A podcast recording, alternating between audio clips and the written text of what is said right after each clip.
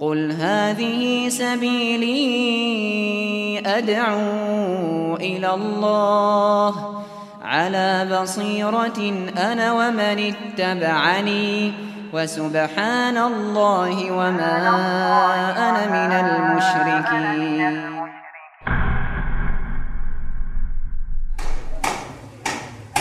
Bismillah, Alhamdulillah, wassalatu wassalamu ala rasulillah wa ala alihi wa man tabi'ahum bi ihsani ila yaumiddin. Allahumma inna nas'aluka ilman nafi'a wa rizqan thayyiba wa amalan mutaqabbala. Baik, uh, Bapak sekalian kita lanjut ya, tentang syafaat. Kalau sebelumnya kita bahas tidak boleh orang soleh disembah sampai para nabi tidak boleh disembah yang terakhir tadi malaikat tidak boleh disembah karena malaikat itu takut dan mengagungkan Allah. Sekarang tentang masalah syafaat. Syafaat ini nantinya kita itu hanya minta pada Allah. Bukan minta pada orang soleh. Ingat ya catatannya nggih. Syafaat itu bukan diminta pada orang soleh. Mintanya itu pada Allah dan Allah memberikan syafaat itu setelah Allah berikan izin dan yang telah Allah ridhoi itu yang Allah berikan syafaat.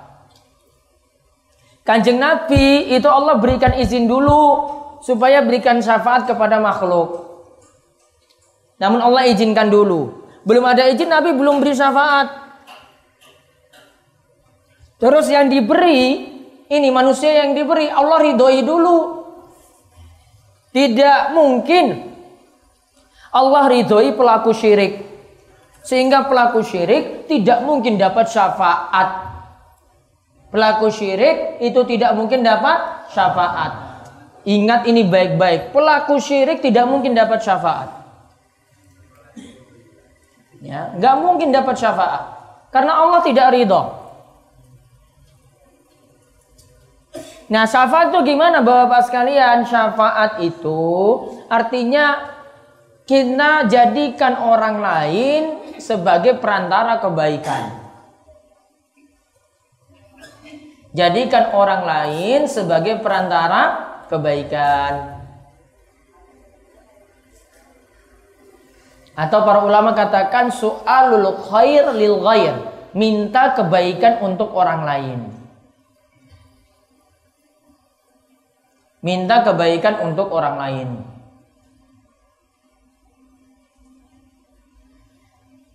Jadi aslinya kita itu minta syafaat pada Allah. Kalau kita bicara syafaat pada hari kiamat nih, bukan pada pada Nabi kita Muhammad SAW, walaupun nanti Nabi yang berikan syafaat. Namun tetap mintanya pada Allah. Bukan minta pada Nabi Muhammad maka syarat syafaat diberi ada dua. Syarat syafaat diberi ada dua.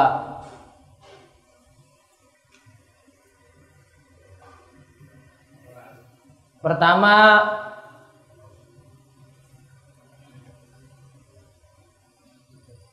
yang memberi telah dapat izin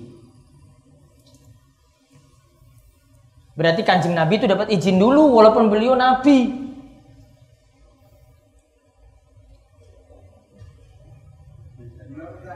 Saya ulang, yang pertama yang diberi telah mendapatkan izin, ada SK dulu baru bisa jalan.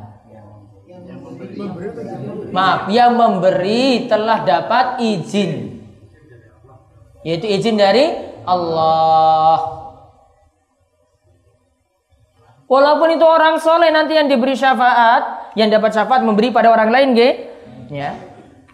Yang beri syafaat pada orang lain, orang soleh pun orang soleh ini dapat izin dulu, belum ada SK, nggak bisa berikan syafaat pada orang lain.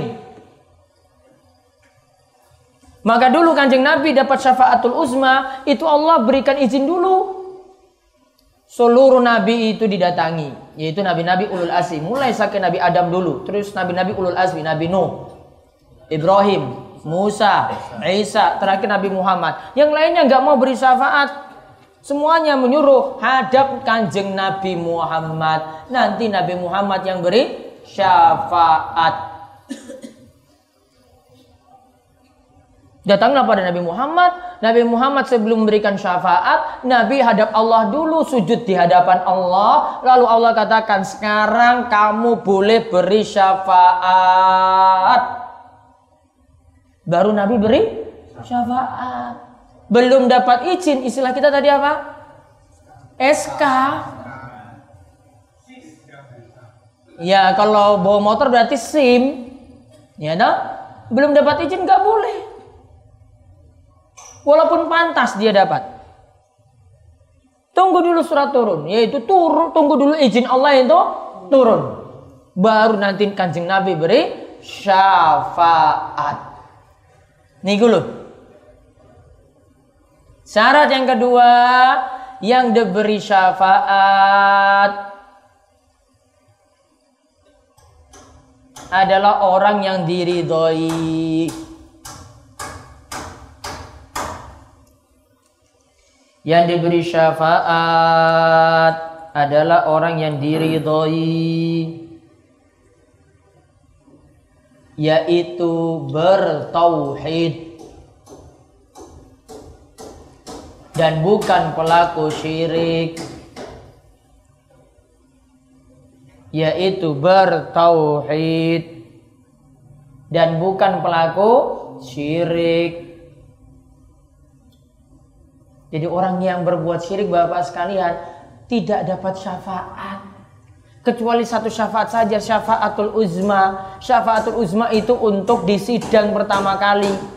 Semua makhluk dapat. Namun kalau untuk syafaat-syafaat yang khusus tidak dapat. Ini syarat penting. Sehingga berarti kalau itu izin dari Allah dan Allah ridhoi dulu, berarti kita minta syafaat pada siapa? Kalau Nabi yang nanti beri syafaat, kita minta pada kubur Nabi, minta syafaat tadi? Tidak. Allah izinkan dulu loh. Allah izinkan dulu nggih? Baru Nabi bisa berikan. Berarti minta pada Allah. Terus orang soleh juga sama. Kalau orang soleh nanti bisa beri syafaat, berarti harus minta pada siapa? Allah. Karena orang soleh mau beri syafaat, izin dulu dari Allah. Izin Allah turun, baru dia bisa beri syafaat. Itulah bedanya tiang muslim dan tiang musyrik. Muslim itu minta pada Allah termasuk syafaat juga. Orang musyrik minta syafaatnya kepada makhluk, kepada penghuni kubur, kepada wali yang sudah mati. Itulah bedanya. Untuk jenengan ngaji loh, jadi paham kayak gini. Kalau orang-orang ngaji, ya sudah yang ada kunjungi kubur para wali datang ke sana merasa punya dosa banyak. Ya memang dosanya banyak. Namun bukan berarti jadikan wali tadi untuk perantara kita dapat syafaat atau minta syafaat dari para wali. Bukan Dan saya selalu katakan sekali lagi Bapak sekalian tolong pahami masalah doa kita diperintah doa langsung. Udu'uni astajib lakum. Allah katakan berdoalah padaku, aku akan perkenankan doa kalian. Allah di sini tidak perintahkan pakailah perantara-perantara kecuali untuk tawasul yang dibolehkan lewat asmaul husna, lewat orang soleh yang masih hidup lewat amal-amal soleh yang dulu pernah dilakukan. Namun catatan Asmaul Husna bukan berarti nyebut Asmaul Husna banyak sekali, bukan. Nanti malam ini ustadznya jelaskan juga. Gara-gara zikir Asmaul Husna yang berlebihan itu, itu peluang jin juga masuk. Ya jabar, ya jabar, ya jabar, ya jabar, ya jabar, ping sewu masuklah jin yang namanya Jabar. Gak percaya nanti malam tuh, karena dia punya pengalaman itu lihat temukan jin-jin kayak gitu. Ya Khalik, ya Kudus, ya Kudus, ya Kudus, ya Kudus. Itu kan ada bilangannya sendiri nggih. Kalau nggak percaya jenengan baca buku Asmaul Husna. Yang situ ada wirid-wirid ini baca berapa kali, ini untuk tujuannya ini, ini tujuannya ini, tujuannya ini. Saya pernah baca ketika kecil itu, namun nggak mau ngamalkan. Ini kok berat banget ya? Gak perlu amalkan. Semakin amalan jenengan itu jauh saking tuntunan, semakin dikejar-kejar setan. Ingat ya, kaidahnya. Semakin jenengan itu amalan jauh saking tuntunan, peluang setan masuk itu makin besar. Maka tadi yang saya sebutkan tasawuf itu tadi yang zikirnya. Tadi gimana Mbak Soya? Zikirnya piye? Ah, itu. Ini kepalanya kayak gini itu. Ya. Semakin jauh saking tuntunan seperti tasawuf tadi, semakin banyak itu yang terkena kerasukan jin itu banyak. Di samping sebab-sebab yang lain loh ini. Hati-hati makanya. Maka pelajari tauhid itu penting. Ngikuti tuntunan juga penting. Dikira main-main ngikuti tuntunan itu. Orang keliru dari tuntunan itu bisa sesat. Kemarin kita sebutkan saya satu amalan ketika malam kemis kemarin amalan apa yang saya sebutkan? Yang bisa sesat meninggalkan apa? meninggalkan sholat jamaah bisa membuat orang sesat. Satu amalan saya sudah disebut sesat coba. Gur sholat jamaah tok iki. Nah sekarang kita lihat halaman 77 dari dalil-dalil yang ada. Ingat ya, tadi kita bahas masalah syafaat, dua syarat tadi diperhatikan baik-baik. Yang pertama tadi apa? Izin dari Allah. Yang kedua dapat ridhonya Allah. Tanpa izin tidak Allah ridhoi. Allah tidak ridho pada pelaku syirik. Yang tidak bertauhid Allah tidak ridho. Allah cuma ridho pada orang yang bertauhid. Nah makanya ini penting kita pelajari mana syafaat yang benar, mana syafaat yang tidak benar. Baca Al-An'am ayat 51. Allah Ta'ala berfirman, Berilah peringatan dengan apa yang diwajibkan itu kepada orang-orang yang takut akan dihimpunkan kepada Rabb mereka pada hari kiamat. Sedangkan mereka tidak memiliki seorang pelindung dan pemberi syafaat pun selain Allah agar mereka bertakwa. Wa anzir bihi alladziina yakhafuna ayyashu ayyuhsyaru ila rabbihim. Laisa lahum min dunihi waliyyu wala syafi'un la'allahum yattaqun. Lihat pada bagian terakhir. Laisa lahum sedangkan mereka tidak memiliki seorang pelindung dan pemberi syafaat pun selain Allah agar mereka bertakwa. Garis bawahi tidak memiliki seorang pelindung dan pemberi syafaat pun selain Allah. Tidak memiliki seorang pelindung dan pemberi syafaat pun selain Allah. Artinya apa? Yang memberi syafaat hanyalah Allah, izin Allah dulu. Tanpa izin Allah nggak bisa. Sehingga kalau ini ini harus dengan izin Allah, berarti mintanya hanya kepada Allah. Berarti mintanya kepada Allah tidak boleh pada makhluk. Terus ayat yang berikutnya Az-Zumar ayat 44. Katakanlah hanya kepunyaan Allah syafaat itu semuanya. Kulillahi syafa'atu jami'a. Katakanlah hanya kepunyaan Allah syafaat itu semuanya. Di garis bawahi hanya kepunyaan Allah syafaat itu semuanya. Berarti apa? Kalau syafaat milik Allah dengan izin Allah semuanya berarti mintanya pada Allah. Bukan minta pada tiang soleh bukan minta pada wali Allah yang sudah mati. Bukan datang-datang ke kubur terus minta ke situ bukan. Allah yang memiliki syafaat semuanya. Kulilai syafaatu jami'a. Terus Al-Baqarah 255 Tiada yang dapat memberi syafaat di sisi Allah tanpa izinnya Man dzalladzi yashfa'u indahu illa biizni ayat kursi. Tidak tiada yang dapat memberi syafaat di sisi Allah tanpa izinnya. Di garis bawahi syafaat di sisi uh, tiada yang dapat memberi syafaat di sisi Allah tanpa izinnya. Semuanya di garis bawahi. Jadi dapat syafaat harus dengan izin Allah. Bukan minta kepada malaikat, bukan minta pada nabi, namun minta pada Allah langsung. Izin Allah yang kita tunggu. Terus ayat 26 dari An-Najm. Betapa banyak malaikat di langit, tetapi syafaat mereka sedikit pun tidak berguna kecuali sesudah Allah mengizinkan kepada orang yang dikehendaki dan diridhoinya. Wa kam min malakin fis samawati la tughni syafa'atuhum syai'a illa min ba'di ay ya'zanallahu liman yasha'u wa yarda. Betapa banyak malaikat di langit tetapi syafaat mereka sedikit pun tidak berguna kecuali sudah Allah mengizinkan kepada orang yang dikendaki dan Allah ridhoi. Maka digaris bawahi sesudah Allah mengizinkan dan diridhoi. Berarti dua syarat tadi disebutkan langsung di surat An-Najm ini ya. Tunggu izin dan ridho Allah. Tanpa izin dan ridho Allah nggak bisa. Walaupun jenengan orang yang rajin solawatan. Ingat untuk solawat, puji-pujian pada Nabi itu baiknya sesuai dengan tuntunan Nabi saja. Nggak usah buat-buat solawat-solawat baru. Ya, nggak usah buat pujian-pujian baru. Cukup seperti yang Nabi ajarkan. Allahumma sholli ala Muhammad wa ala ali Muhammad kama sholaita ala Ibrahim wa ala ali Ibrahim innaka Hamidum Majid. Coba lihat selawat itu macam-macam sekali. Ada selawat terlalu berlebihan. Jenengan sudah ngagungkan Nabi secara berlebihan. Lalu pada tuntunan saya selesai.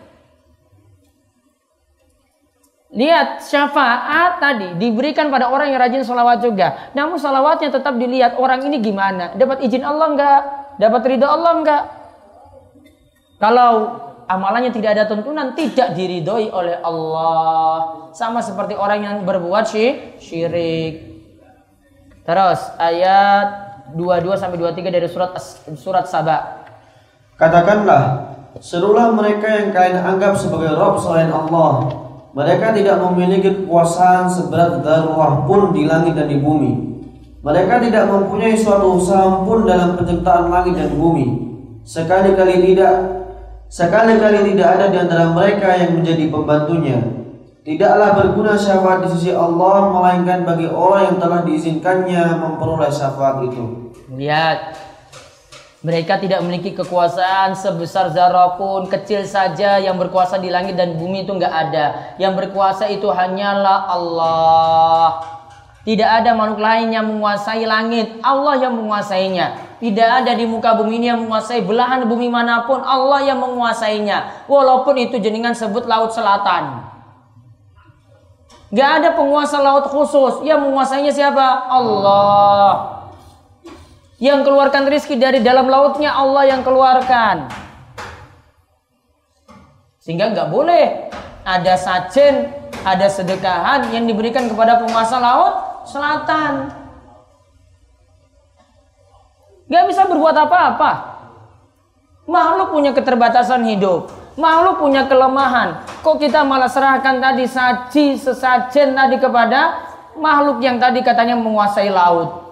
Bagian bumi mana pun tetap Allah yang kuasai. Makhluk tidak ada satu bagian pun. Walaupun sebesar zarah. Zarah ukuran paling kecil. Sama yang kuasai gunung, yang kuasai pepohonan. Allah yang kuasai semuanya. Begitu juga sini dikatakan di garis bawahi, tidaklah berguna syafaat di sisi Allah melainkan bagi orang yang telah diizinkannya memperoleh syafaat. Ila liman udhinalah. Dari kalimat tidaklah berguna syafaat di sisi Allah melainkan bagi orang yang telah diizinkannya memperoleh syafaat.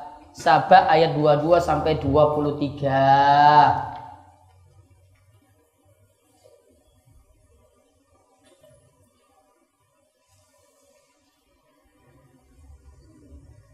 Terus Abul Abbas. Abu Abbas Abul Abbas mengatakan Allah telah menyangkal segala sesembahan selain Allah yang dijadikan tumpuan atau tempat bergantung oleh orang-orang musyrik. Allah juga menyangkal bahwa ada selain dirinya yang memiliki kekuasaan atau memiliki bagian dalam kekuasaan atau menjadi penolongnya. Namun Allah tidak menyangkal bahwa seorang hamba bisa memberikan syafaat Makhluk bisa memberikan syafaat namun atas izin Allah. Akan tetapi akan tetapi Allah menjelaskan bahwa syafaat tidak akan bermanfaat kecuali bagi orang yang telah diizinkan Allah. Hal ini sebagaimana tercantum dalam firman Allah, Mereka tiada memberi syafaat melainkan kepada orang yang diridhoi Allah. wala yashfa'una illa liman. Mereka tiada memberi syafaat melainkan kepada orang yang diridhoi oleh Allah. Kalau Allah tidak ridhoi berarti tidak akan dapat syafaat. Mau syafaat keluar dari neraka, mau syafaat ditinggikan derajatnya di surga, tidak dapat syafaat. Karena untuk dapat syafaat ada syarat tadi yang sudah disebut terus. Syafaat yang disangka oleh orang-orang musyrik ini tidaklah ada pada hari kiamat sebagaimana dinyatakan oleh Al-Qur'an. Nabi Shallallahu alaihi wasallam mengabarkan bahwa beliau akan datang dan bersujud kepada Rabbnya serta memujinya. Beliau tidak langsung memberi syafaat terlebih dahulu. Allah lantas berfirman kepadanya, "Angkatlah kepalamu, berkatalah niscaya perkataanmu akan didengarkan. Ajukanlah permintaan, niscaya akan diberi. Berilah syafaat, niscaya syafaat yang engkau berikan diterima." Hadis Baik. Bukhari. Ini ketika syafaatul uzma. Di sini ada izin Allah dulu, baru nanti Nabi bisa memberikan syafaat. Tidak di, tidak Nabi SAW beri syafaat secara langsung. Tunggu izin dari Allah. Abu Hurairah. Abu Hurairah radhiyallahu anhu bertanya, "Siapakah orang yang paling bahagia dengan syafaatmu?" Nabi Shallallahu alaihi wasallam menjawab, "Orang yang mengucapkan la ilaha illallah dengan ikhlas di dalam hatinya." Orang yang mengucapkan la ilaha illallah dengan ikhlas dalam hatinya mudah dapat syafaat. Coba lihat kalimatnya. Man qala la ilaha illallah khalisan min qalbihi. Siapa yang mengucapkan la ilallah dengan ikhlas dalam hatinya. Berarti bukan saja diucapkan. Bukan saja dibaca la ilallah sampai seribu kali. Namun apa? Lihat kalimat selanjutnya. Khalisan min qalbihi ikhlas dalam ha- hati. Ikhlas sesuai dengan tuntunan tadi. Tuntunannya ada.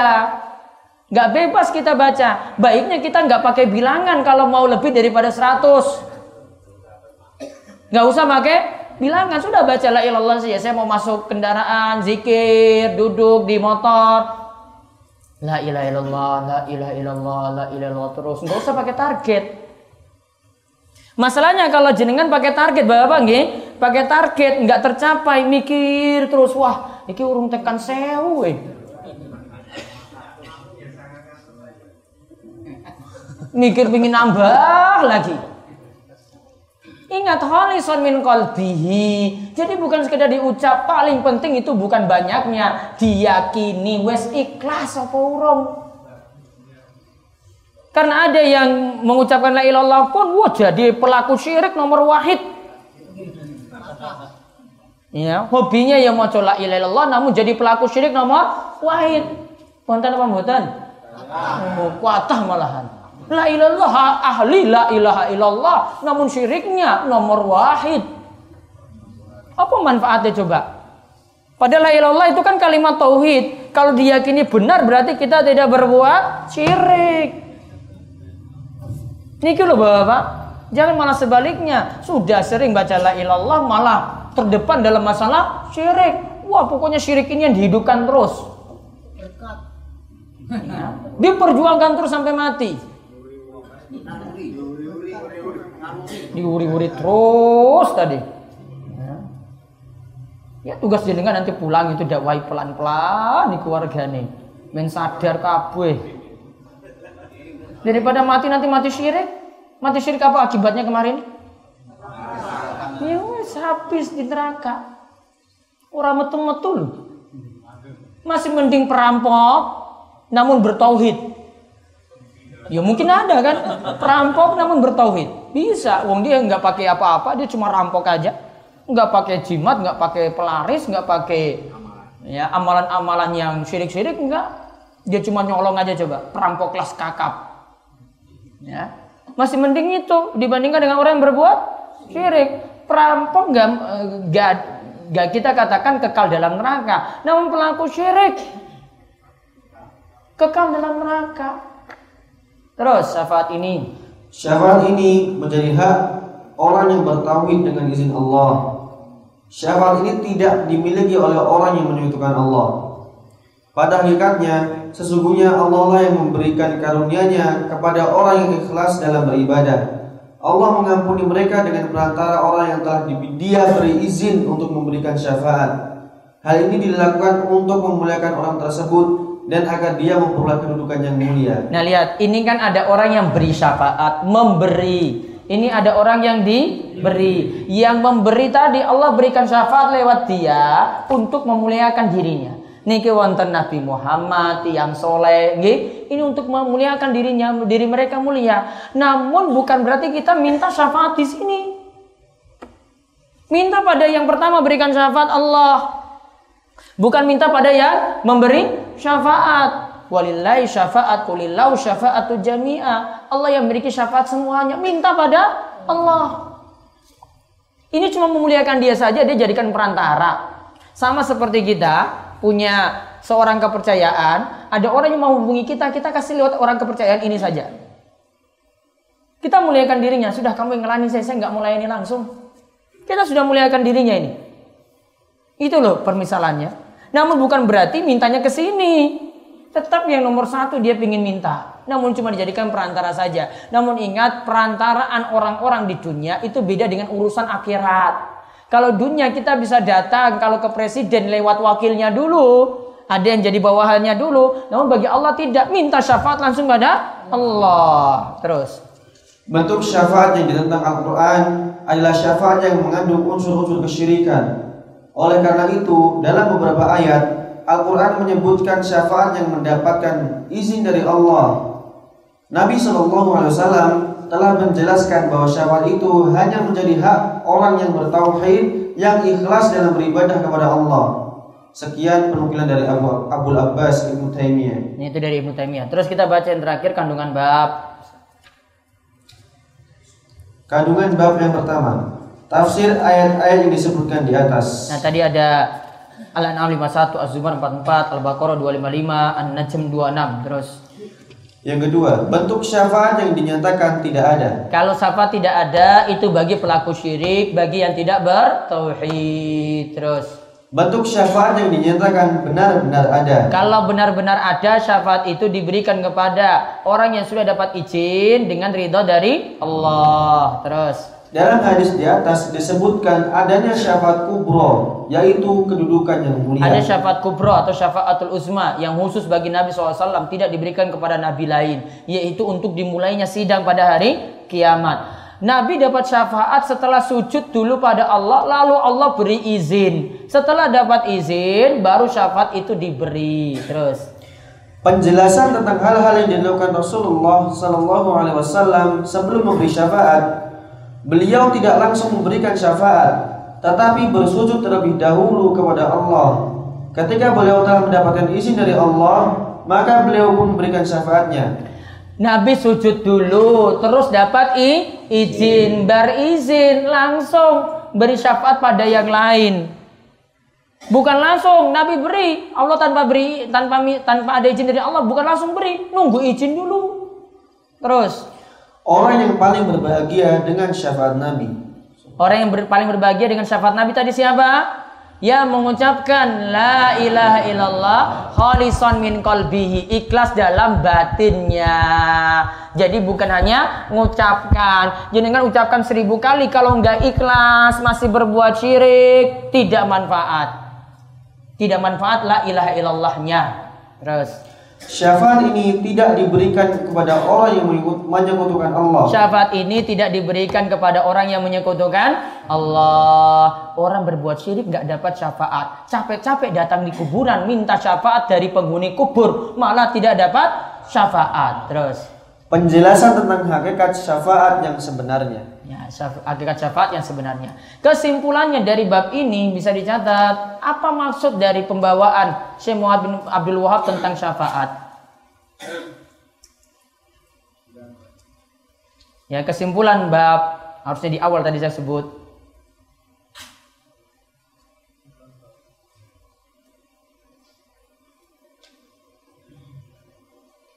Ingatlah bahwa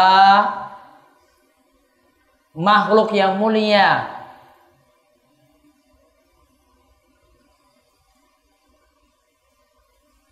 Seperti nabi dan malaikat. Bahwa makhluk yang mulia seperti nabi dan malaikat.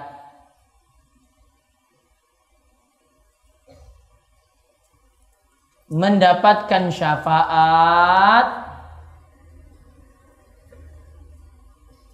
setelah Allah beri izin. Setelah Allah beri izin.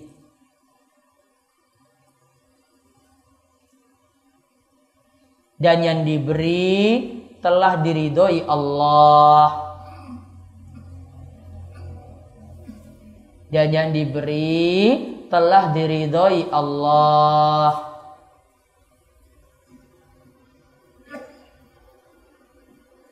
oleh karena itu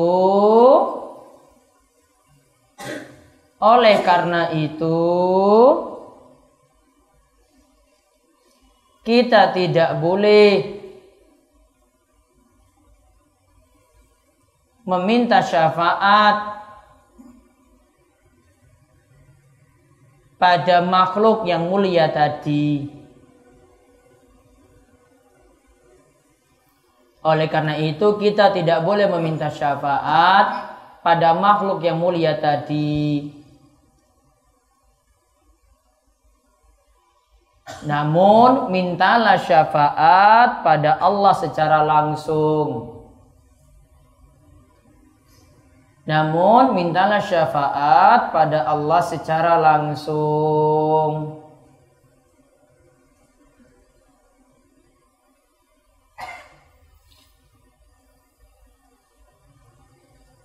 Namun nanti ada amalan-amalan yang mudahkan kita dapat syafaat nih. Namun ingat amalan-amalan ini cuma pembantu saja. Namun dua syarat tadi dipenuhi dulu. Intinya jangan sampai berbuat syirik. Ada amalan yang mudah dapat syafaat bisa dicatat. Amalan yang mudah untuk meraih syafaat. Selain tadi ya izin dan ridho Allah tadi ya. Rincian pertama satu bertauhid tidak berbuat syirik. Bertauhid tidak berbuat syirik.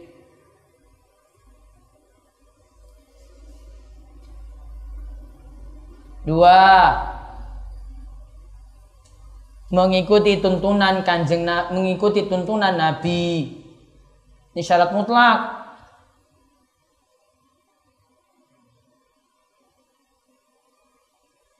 Tiga.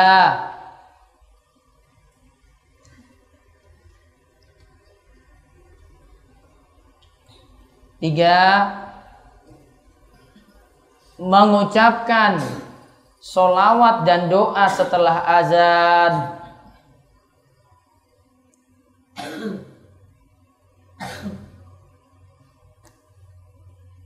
Empat.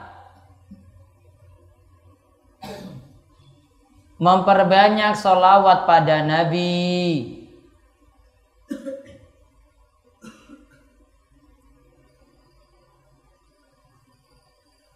Lima.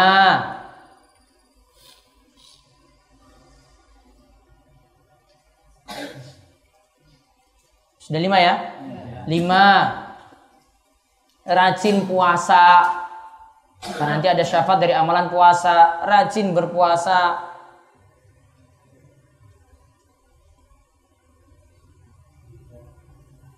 Terus yang keenam, jadi ahli Al-Quran.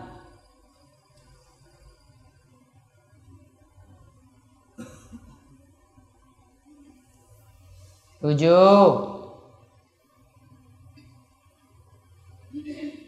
memperbanyak sholat sunnah. Memperbanyak sholat sunnah. Karena Nabi perintahkan perbanyak sujud, perbanyak sujud cuma didapat dari memperbanyak sholat sunnah, bukan sujudnya yang diperbanyak, bolak balik masuk masjid, wah tak sujud.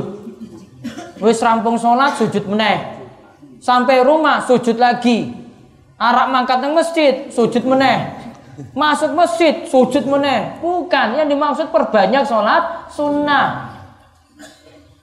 Maka pernah sahabat itu ingin dapat syafaat Nabi dengan mudah. Nabi katakan, ya, fa ini alaika bikasrati sujud. Tolonglah aku engkau itu perbanyak sujud. Maksudnya apa perbanyak sujud? Bukan bolak-balik terus sujud terus bukan. Namun apa? Memperbanyak sholat sunnah. Bukan dituntut jidatnya ireng bukan. Bukan tuntut itu. Jadi jangan salah paham. Terus satu lagi, yang keberapa? 8? Syafaat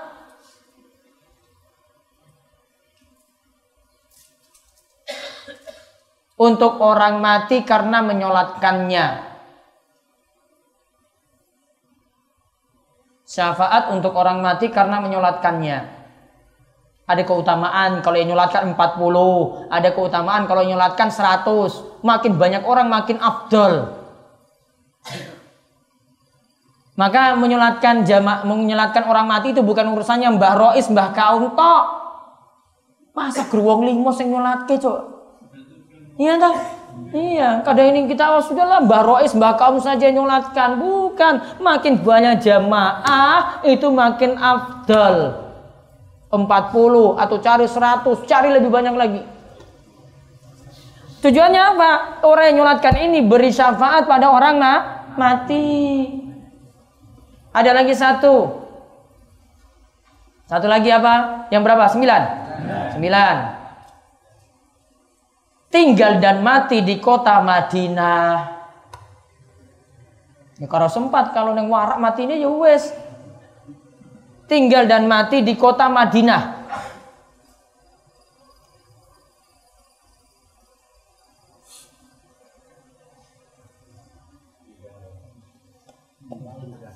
Ya. Madinah sana, Madinah, Arab. Ya. Jadi orang yang tinggal sana punya, punya kesusahan, dia ketika meninggal di situ dia dapat syafaat dengan mudah. Adapun berdoa ke kubur Nabi, atau amalan-amalan yang lainnya yang, yang tidak disebutkan dengan dalil yang tegas maka itu bukan dalil untuk mendapatkan syafaat dengan mudah. Namun amalan tadi poin pentingnya nomor satu dan dua. Satu apa tadi? Bertauhid. Yang kedua ikuti tuntunan Nabi. Jadi kan sudah punya dua ini sudah mudah dapat syafaat. Dua ini nggak ada malah jadi wong sesat. Ya, dua ini yaitu bertauhid dan ikuti tuntunan kanjeng na Nabi. Wallahu alam bisawab. Lanjut nanti bar sholat zuhur. Eh, masih jam 10.15. Oh, masih satu lagi berarti. Ada pertanyaan dulu. Tak kira tadi jam 11 seperempat. Ya, Mike, Mike. Sampai dia ibadah biar nyaman tapi malah runyam. Tapi apa? Apa sebabnya? Ada yang mengisi pada pengajian pada santapan rohani itu kultum itu bilang sampai yang beraneka ragam kalau masjid tidak boleh untuk yasinan lalu bagaimana kalau tidak didoakan oleh orang banyak berarti kalau nanti saya mati tidak didoakan oleh orang banyak. Berarti bagaimana seperti Tuhan? Bermacam-macam akhirnya pada waktu itu diamlah saja biarlah dia ngoceh terus ngoceh kalau sudah jelek dia berhenti. Saya tapi gitu. Itu Ustadz memang suka duga saya di sana. Saya sampaikan memang betul-betul itu justru malah dengan family saya sendiri. Dia sampai bilang ya itu tadi di sini tuh ada dua aliran. Nggak mungkin akan ngukur itulah itu kok watak seorang pemimpin tingkat pedusunan bilang seperti itu saya sampai dodo saya sendiri itu Astagfirullahaladzim terima kasih Assalamualaikum warahmatullahi wabarakatuh. Mudah-mudahan panjenengan diberikan kesabaran walaupun dari saudara sendiri. Wong Kanjeng Nabi dari sedulur-sedulurnya loh yang nentang Kanjeng Nabi. Siapa yang nentang? Oh Abu Lahab, pamannya dewe loh itu langsung. Yang nentang simbahnya itu alirannya berbeda dengan beliau. Santai aja beliau jalani hidup tahu memang banyak tantangan, tahu itu banyak godaan. Ya memang sabar itu abot banget loh ya. Waduh sabar. Ya memang sabar itu resikonya nahan ini. Ya, nahan terus. Ya itu akibat sabar seperti itu memang. Terus gimana lagi solusinya? Mau ngamuk-ngamuk juga, mau balas kejelekan dengan kejelekan lagi. Dia jelekan kita, gosipkan kita, tebar isu terus kita tebar isu lagi, balas jelek dengan jelek. Apa selesai? Ora rampung. Jenengan malah banyak ngalah ya sudah selesai itu. Biar dia fitnah kan dia tanggung dosa sendiri. Banyak ngoceh ya juga nanti dia tanggung dosa sendiri. Kalau itu fitnah ya nanti jenengan dapat kebaikan dia loh itu. Ditransfer ke jenengan gratis. Namun doakan dia biar dapat hidayah. Di samping jenengan didoakan juga supaya bisa terus sabar. Seperti itu cobaan di mana pun seperti itu. Kalau nggak ada cobaan kayak gitu anteng-anteng saja, itu malah kurang seru. Coba main bal-balan orang-orang lawane loh. Bal-balan ge, jenengan bawa ke depan, nggak ada yang back, nggak ada yang pemain bertahan, nggak ada kiper langsung nyebolin, ngegolin. Kets. Waduh, kurang seru dah. Oh, namun coba kalau ada backnya itu backnya tangguh-tangguh lagi. Ya, kipernya itu masya Allah tahan bolanya tadi mau tendang sini dia lompat sini, tendang sini lompat lagi. Kan enak kita nyusun strategi ya tak? Nyusun baik-baik. Wah ini gimana saya ngegolinnya ya? Lewat sisi kanan apa lewat sisi kiri? Umpannya itu lambung apa umpannya datar? Enak sekali strateginya loh Pak Kartija. Anggap saja itu hiburan hidup.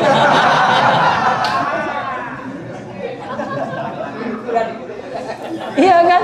Iya. Nanti seperti bal-balan tadi loh. Nggak ada musuh itu nggak gayeng coba. Sepi waduh masa orang beke-beke kartu merah semuanya lagi. Gimana asiknya?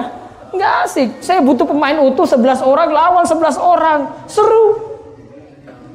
Ketika sudah ngegolin itu sudah susah payah ngegol. Walhamdulillah ngegol gitu kan. Enak banget loh itu kalau sudah ngegol. Sekarang saja belum waktunya karena kita masih susun strategi pelan-pelan bangun dari pertahanan tadi, giring bola ke depan terus tunggu waktunya.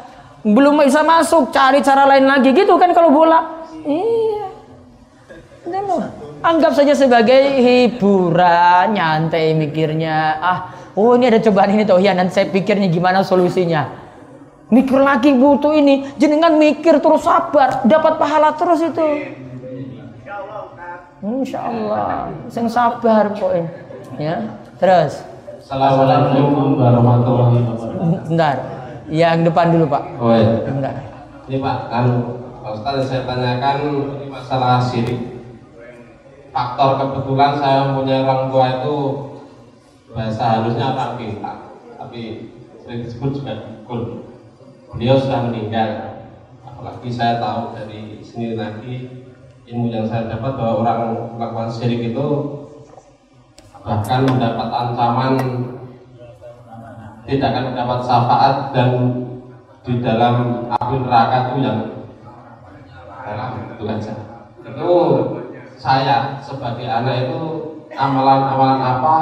Karena untuk berbakti saya ingin berbakti sepenuhnya pada orang tua itu amalan-amalan apa yang bisa saya lakukan untuk menyelamatkan orang tua saya? Itu yang pertama. Masih hidup atau sudah meninggal? Sudah meninggal. Yang kedua masalah masalah syafaat. Kalau masalah syafaat itu orang yang akan mendapat syafaat itu saat di akhirat nanti posisinya tuh di mana? Apakah di dalam neraka atau orang yang mendapat syafaat? bisa jadi ada yang di neraka untuk dikeluarkan dari neraka. Bisa jadi ada yang di neraka cuma diperingan saja siksanya. Bisa jadi ada yang sudah masuk surga ditinggikan ditinggikan lagi derajatnya macam-macam. Atau ada yang mau masuk neraka nggak jadi masuk neraka karena syafaat. Makanya beda dengan pemahaman sebagian orang kalau orang muslim sudah masuk neraka tidak keluar-keluar lagi bagaikan unta yang masuk dalam lubang jarum. Ini pemahaman wong sesat. Orang muslim tetap ada kemungkinan dapat syafaat. Nggak boleh yakini seperti orang kafir. Orang kafir untuk dapat syafaat tidak ada. Sehingga untuk masuk neraka memang seperti unta yang mas untuk masuk surga seperti unta yang masuk dalam lubang jarum alias mustahil. Kalau muslim iya dapat syafaat nantinya. Macam-macam ya. Ada yang sudah masuk neraka di peringan seperti Abu Talib. Ada yang sudah masuk neraka dikeluarkan dari neraka. Ada yang mau masuk neraka nggak jadi masuk neraka. Seperti syafaat dari anak-anak soleh pada orang tuanya. Anak-anak soleh ini katakan, wah bapak saya sama ibu saya masuk surga dulu barengan dengan saya. Saya nggak masuk surga sampai orang tua saya ikut juga. Dia beri syafaat, narik orang tuanya. Berarti nggak jadi masuk. Ada yang sudah masuk surga, ditinggikan derajatnya. Macam-macam kan? Gih. Adapun tadi yang pertama tentang status orang tua, kalau jenengan eh, nilai dulu lahiriannya itu muslim didoakan saja. Ya, mudah-mudahan manfaat karena kita tidak bisa vonis dia. Ya. Banyak-banyak beri amalan kebaikan juga diniatkan atas dirinya. Ya, mudah-mudahan Allah mengampuni kesalahan-kesalahannya dan mudah-mudahan itu karena uzur, yaitu karena mungkin belum paham. Akhirnya Allah itu maafkan berkat doa dari anaknya. Ya, banyak doakan terus supaya dapat ampunan kalau sudah meninggal dunia. Assalamualaikum warahmatullahi wabarakatuh. Waalaikumsalam warahmatullahi wabarakatuh. Tadi yang sembilan itu tinggal dan mati di kota Madinah. Madinah itu mudah mendapat syafaat. Kalau tinggal dan mati di kota Makkah bagaimana? Yang kedua minta diterangkan tentang dasar Iqra'ul Quran fa innahu ya'ti yaumal qiyamah safingan li ashabi bacalah Al-Quran sebab bacaan Al-Quran itu besok di hari kiamat akan datang sebagai pemberi syafaat kepada orang yang baca. Kalau yang kedua tadi yang tadi saya sebutkan di nomor berapa tadi rajin baca Al-Quran? Nomor 647 6 Itu maksudnya karena rajin baca Al-Quran. Namun bukan hanya rajin baca, dia baca, terus pahami, diamalkan. Karena orang yang mau Quran cuma mau tok.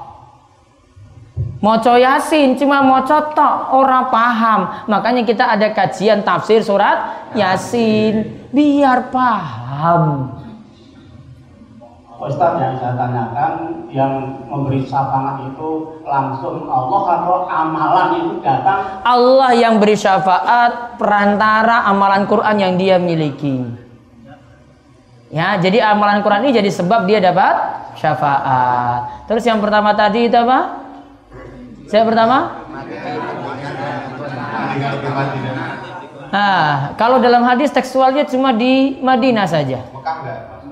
Mekah boleh jadi lebih daripada Madinah. Namun tekstualnya seperti itu. Jadi saya cuma tulis seperti itu saja. Ada lagi? Pak Yoto. Ya, terima kasih. Uh, terima kasih. Sekarang ini untuk daerah istimewa Yogyakarta masuk menjadi daerah istimewa dan sampai berdampak pada desa-desa akhirnya mendapatkan dana istimewa. Dengan dana is itu, sementara menurut pemahaman kami desa juga petunjuk teknisnya juga belum begitu jelas. Akhirnya yang diajukan dana biasanya satu reokan, jadilan, rasulan, wayangan, terus ketoprak dan sebagainya. Kami pernah berdiskusi dengan ah, salah satunya untuk dana-dana pengajian dan sebagainya itu saya pernah menyampaikan itu tidak masuk di situ kan gitu. Ya karena eh, karena pengajian itu bukan budaya. Itu kan pengajian kan tuntunan. Kecuali pengajiannya yang ngajak-ngajak budaya. Ya. Barangkali kita bisa berikan tip karena insya Allah ini semua tamir barangkali setelah mengkaji dengan tauhid ini bisa sama satu pandangan dan mungkin ke depan atau lima tahun ke depan itu uh, bisa digunakan dana-dana yang bermanfaat khususnya untuk ya bisa bagaimana siar Islam bisa jalan atau mungkin seperti budaya-budaya contoh kira budaya. Kiranya juga yang ya tidak seperti itulah itu jadi yang mungkin kira-kira yang islami atau mungkin yang berbudaya budaya yang benar karena sekarang ini makin marah dan e, menurut saya kemudarannya lebih banyak. Dan yang ditonton itu justru yang yang yang gak baik. Misalnya kira nanti membawa Al-Quran mari sholat itu gak ada yang seperti itu. Nah ini mungkin Pak Ustadz uh, bisa memberikan tips-tipsnya supaya nanti kami di masyarakat ketika ada yang namanya karena dana itu bisa muncul ketika ada musrek Bangladesh dan sebagainya. Itu bisa kita ke sana. Mungkin kalau semuanya sama barangkali lama-lama bisa masuk. Terima kasih Pak. Ini yang bisa kami sampaikan. Kalau ingin membangun, mendingan kita tidak ikut budaya-budaya yang ada. Kalau itu ada kirap budaya, maka bukan berarti kirap ini dihidupkan lagi. Namun apa? Ya dengan perbanyak kajian saja sih bukan orang dengan kajian kirap tadi kan jadi kurang orang datang. Sudah berkurang acara-acara semacam itu. Contoh amalan-amalan yang tidak ada tuntunan, jenengan sibukkan orang ngaji terus. Wah, saya ini ngaji meneh, sesok ngaji meneh. Enggak ada waktu untuk nambah lagi kan sudah tersibukkan karena peluang antara kebatilan dengan yang benar kalau orang sibuk dengan yang benar maka kebatilan berkurang kalau orang sibuk dengan yang batil yang kebenaran itu akan berkurang maka kita perbanyak kebaikan sudah perbanyak kajian di mana-mana sudah selesai Wong kemarin bikin kajian di pelayan aja, mau ada kirap, mau ada apa, tetap ramai kan? Iya, nggak usah khawatir orang sudah pada paham. Siapa yang datang? Tentu orang-orang yang baik yang datang nggak ingin jadi baik. Ya, ubah seperti itu. Jangan ikut-ikut. Wah, situ kan nanti ada takbiran keliling. Wah, kita buat lagi takbiran yang lebih islami. Saya balik nanya, buat takbiran yang lebih islami bagaimana coba? Malah kita hidupkan kayak gitu. Musik jadi di mana-mana, takbirnya bukan dengar takbir, malah dengar musik. Karena cuma ikut-ikutan, wah saya mau rame-ramekan seperti itu. Akhirnya anakmu anak muda tinggalkan sholat. Jadi solusinya bukan itu. Solusinya arahkan pada tuntunan yang benar. Sudah sibuk dengan tuntunan yang benar, yang batil-batil tidak akan diikuti. Terakhir. Ya. Sebentar, ini tadi. Ini Assalamualaikum ya, warahmatullahi wabarakatuh. Mic mic-nya sini dulu. Ya. Yang pertama pertanyaan gini Ustaz. Kembali materi yang depan tadi. Ini kebanyakan orang naik haji itu dari sana membawa air zam-zam. Sehingga tiba di rumah itu banyak orang untuk meminta. Sehingga penganggapan bahwa air itu akan menyembuhkan mungkin penyakit dan penyakit segala macam begitu setelah minum. Apakah itu tidak termasuk syirik? Itu yang pertama. Dan yang kedua kalinya di tempat kami ini masih ada tradisi yang sangat kental yang namanya Rasulan. Saya pribadi ini masih mengikuti dalam artinya untuk pemungutan biaya Ustaz. Ada sebuah ayat mengatakan jangan tolong menolonglah kamu di dalam kebatilan. Nah, seperti itu kami sangat prihatin sekali pada diri saya sendiri karena ada pemungutan biaya saya masih mengikuti seperti itu hanya biaya itu sendiri tapi lainnya alhamdulillah tidak mengikuti Ustaz bagaimana ancaman orang-orang yang seperti itu. Terima kasih. Assalamualaikum warahmatullahi wabarakatuh. Waalaikumsalam warahmatullahi wabarakatuh. Tadi yang pertama apa? Kalau keyakinannya dirinci, yang beri kesembuhan Allah, zam-zam cuma perantara, benar. Namun kalau air zam-zamnya ini yang menyembuhkan, keliru. Beda ya? Maka berlaku hadis ma'u zam-zam lima syuribalah. Air zam-zam tergantung orang yang minum. Niatannya bagaimana? Maka harus yakini yang beri kesembuhan Allah. Walaupun zam-zam bisa digunakan untuk berbagai macam penyakit. Cuma perantara. Kalau mau ngaji biasanya sudah paham seperti ini. Ya.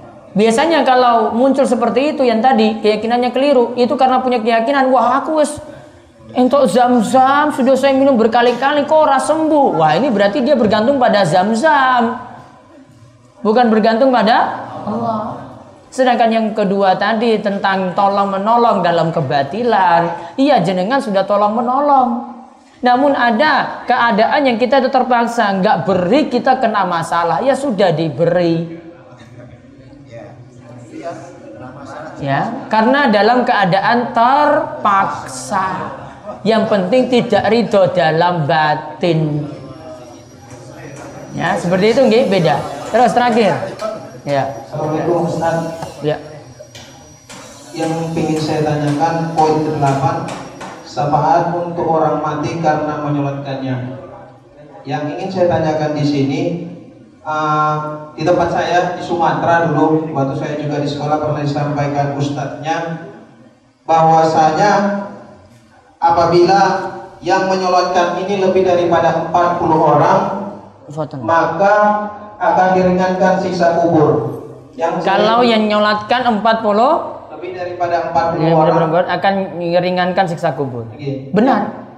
Yang jadi saya pertanyakan syafaat karena pembahasan kita di sini syafaat untuk diringankan di neraka. Nah, kalau yang di sini keterangan untuk yang poin ke-8 ini ini syafaat untuk diringankan siksa kubur kah atau nanti syafaat untuk di hari akhir? Itu syafaat umum, yaitu syafaat yang dimaksudkan situ diampuni dosa-dosanya. Berarti kalau diampuni dosa-dosanya, siksa kuburnya akan diperingan, untuk masuk neraka juga diperingan atau dapat syafaat. Maksudnya umum. Baik, satu lagi tadi, Mbah, ya, langsung mohon Mbah. Waalaikumsalam warahmatullahi wabarakatuh.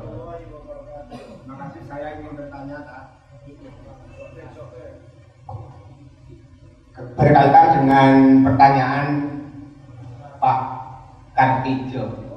Sepertinya mirip nasib saya.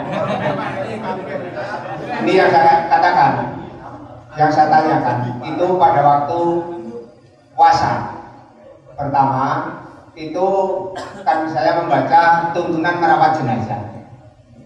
Itu mengatakan dengan bahwa jenazah adalah yang tanggung jawab adalah keluarganya.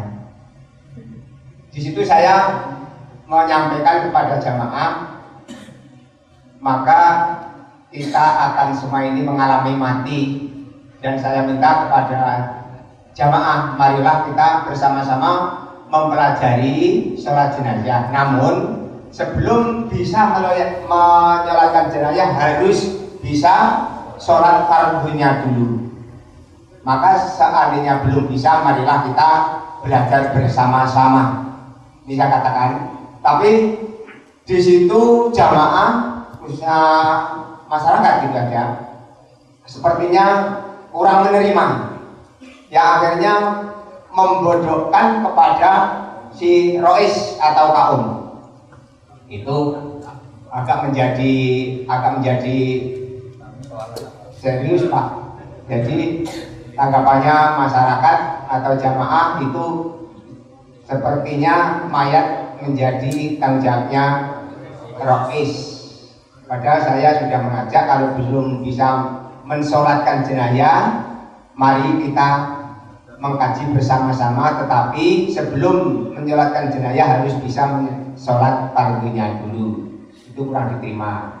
Sampai-sampai itu saya mendapatkan amanah untuk menyalurkan hewan kurban sampai tidak diterima karena mungkin permasalahan saya seperti itu adalah dianggap keliru yang sangat besar. Maka keadaan seperti itu bagaimana Ustaz untuk solusinya keadaan kita sekarang. Terima kasih. Assalamualaikum warahmatullahi wabarakatuh. Waalaikumsalam warahmatullahi wabarakatuh. Jadi yang pertama, berarti jenengan bahas sholat jenazah. Maka perlu pahami, itu nanti memang bertentangan dengan rois-rois. Oleh karena itu, bagusnya harus satu sepemahaman dengan rois dulu. Artinya roisnya itu yang diberitahu. Kalau enggak materi ini jenengan tunda dulu. Ya, ya nanti ditunda dulu. Suatu waktu baru nanti disampaikan. Karena tentang pelaksanaannya, caranya, memang kita ingin sesuai dengan tuntunan. Namun ada bagian-bagian yang kemarin disebutkan itu tidak sampai derajat wajib. Kalau jenengan mau cukup ngajak orang itu sholat, terus kalau ada jenazah itu meninggal dunia, itu nanti disolatkan bareng-bareng. Namun jangan sampai menyingkirkan rois yang ada. Tidak Pak. Tidak Iya. menyingkirkan sebab saya ini mohon Iya. maaf. Rois-Rois semua sudah tahu. Oh. Dan kita seteman dengan Rois-Rois itu sepakat atau oke keadaan tuntunan seperti itu. Sebab dikatakan dulu agak ya sedikit demi sedikit untuk mendekati tuntunan yang ada itu sama Rois terima kasih Baik. Jadi ya pelan-pelan untuk penyampaian tadi sudah tinggal sampaikan saja. Awalnya ajarannya benar seperti itu, banyak penolakan. Betul Ya, jadi pelan-pelan untuk menyampaikan. Terus sampaikan saya sampaikan terus. Sekarang belum paham, mungkin-mungkin nanti tahun depan wes paham. Ya. Baik, itu saja ya. Kita istirahat dulu 5 menit, nanti lanjut lagi sebelum zuhur masih ada satu pertemuan. Demikian ya. Wabillahi taufiq. Assalamualaikum warahmatullahi wabarakatuh. Monggo mau wedangan kamar mandi silahkan.